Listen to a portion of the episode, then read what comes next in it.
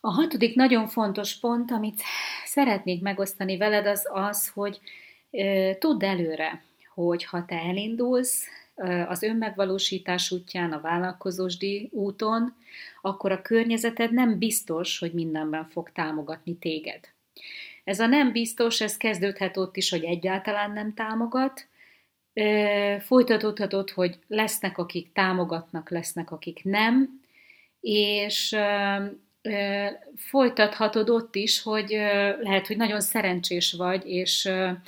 és te vagy a csodapisztoly családban, és mindenben támogatnak, csak, csak csináld, amit csinálsz, mert te vagy az, akinek ez a dolog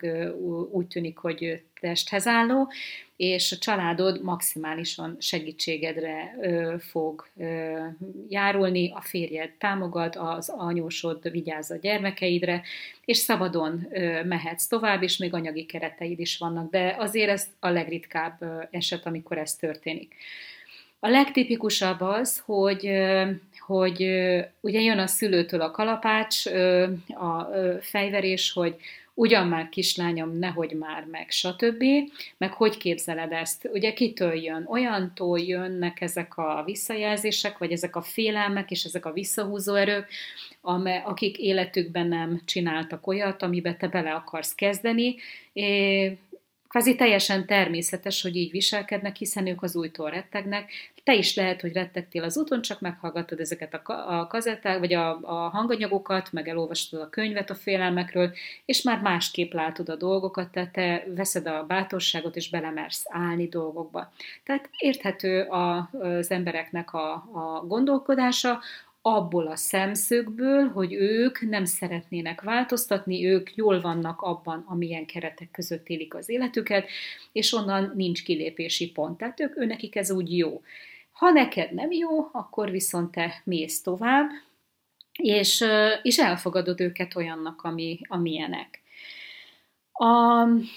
amikor olyannal találkozol, hogy ellenségessé válnak emberek ö, veled szembe, az nyilvánvalóan az irigység ö, ö, diktálja. Mert te valami olyan dolgot szeretnél meglépni, amit ők nem tudtak, vagy nem mertek, és, és tulajdonképpen az egyetlen, ahonnan energiát tudnak még csapolni, az belőled van.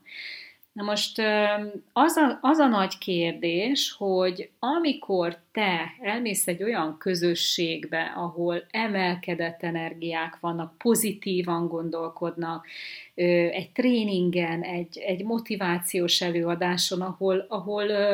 ahol olyan szintű emberek vannak, mint te, hogy akarnak, szeretnének valamit jobbá tenni, jobban élni, bőségben élni, elérni valamit, megvalósítani az álmokat,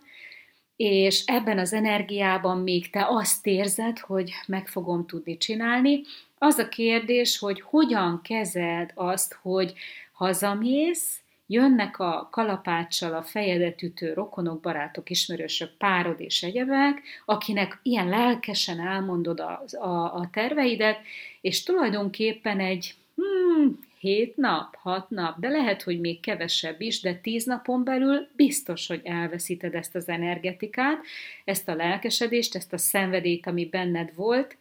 és visszazuhansz ugyanabba a halogatósdiba, és ugyanabba a semmibe, amiben voltál, az összes vágyoddal együtt. Azt kell, hogy tudd, hogy a környezeted nagyon nagy hatással van rád, és sajnos hosszú távon mindig a környezet dönt, hogyha, vagy hogy ő nyer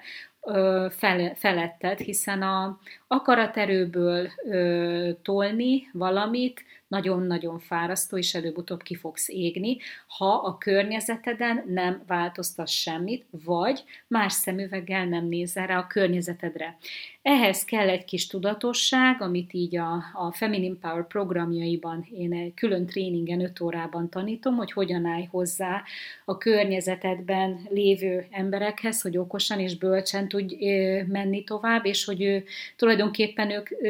szinte észre se vegyék azt, hogy azt, hogy itt változás van, vagy, vagy te mész abban az irányban, hogyan tudsz úgy kommunikálni mindenkivel az ő saját szintjén, hogy elfogadja azt, amit csinálj, és támogasson benne, e, ez egy hosszabb történet, viszont neked kell jó hozzáállással megtalálni azt a, azt a megoldást, hogy kinek mennyit mondasz el abból, amit csinálsz, kit